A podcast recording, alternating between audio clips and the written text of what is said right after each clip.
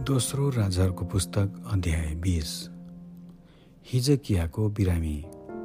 ती दिनमा हिजकिया बिरामी भएर मर्नै लागेका थिए। आमोजका छोरा अगमभक्ता यसैया तिनी कहाँ आएर भने परमप्रभु यही भन्नुहुन्छ तेरो घरलाई ठिकठाक पार किनभने त मर्ने छस् त निको हुने छैनस्। तब हिजकियाले भित्तातिर फर्केर परमप्रभुलाई प्रार्थना चढाए। हे परमप्रभु सम्झना राख्नुहोस् म तपाईँको सामुन्ने कस्तो विश्वास र सम्पूर्ण हृदयको भक्ति साथ हिँडेको छु र तपाईँको दृष्टिमा जे असल छ त्यो गरेको छु। अनि हिजकिया दुरु दुरु रोए। यसैया बिचको चोकबाट बाहिर जान अघि परमप्रभुको यो वचन तिनी कहाँ आयो? फर्केर मेरो प्रजाको अगुवालाई भन्। तेरो पुर्खा दाउदका परमप्रभु परमेश्वर यसो भन्नुहुन्छ मैले तेरो प्रार्थना सुने र तेरो आँसु देखे म तँलाई निको पार्नेछु।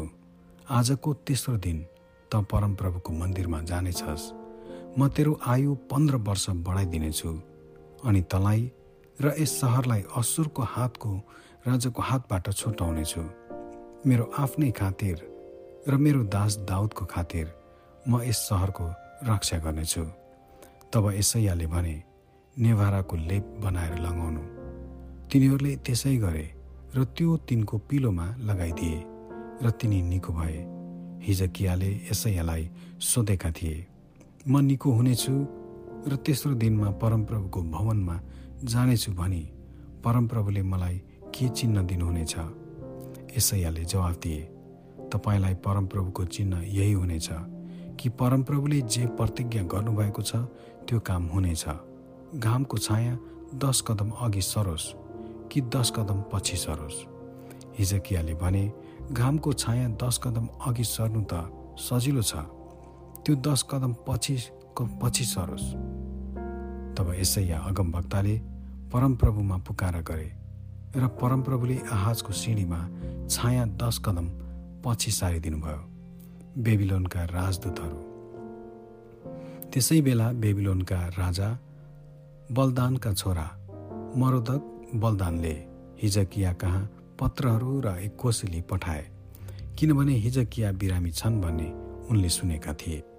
हिजकियाले समाचार वाहकहरूलाई स्वागत गरे र उनीहरूलाई आफ्ना भण्डारहरूमा भएका सबै थोकहरू सुन चाँदी मसला सुगन्धित लेप आफ्ना हतियारहरू राख्ने घर र भण्डारमा भएका सारा थोक देखाइदिए।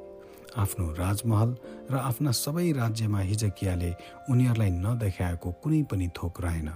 तब यसैया अगमभक्ताले हिजकिया राजा कहाँ आएर सोधे ती मानिसहरूले के भने र उनीहरू कहाँबाट आएका रहेछन्?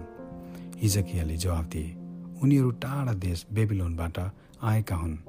तब अगमभक्ताले सोधे उनीहरूले तपाईँको राजमहलमा के के देखे त? हिजकियाले भने उनीहरूले मेरो राजमहलमा सबै कुरा देखे मेरा भण्डारमा भएको मैले उनीहरूलाई नदेखाएको कुनै पनि थोक छैन। तब यसैयाले हिजकियालाई भने परमप्रभुको वचन सुन्नुहोस्। समय निश्चय नै आउनेछ।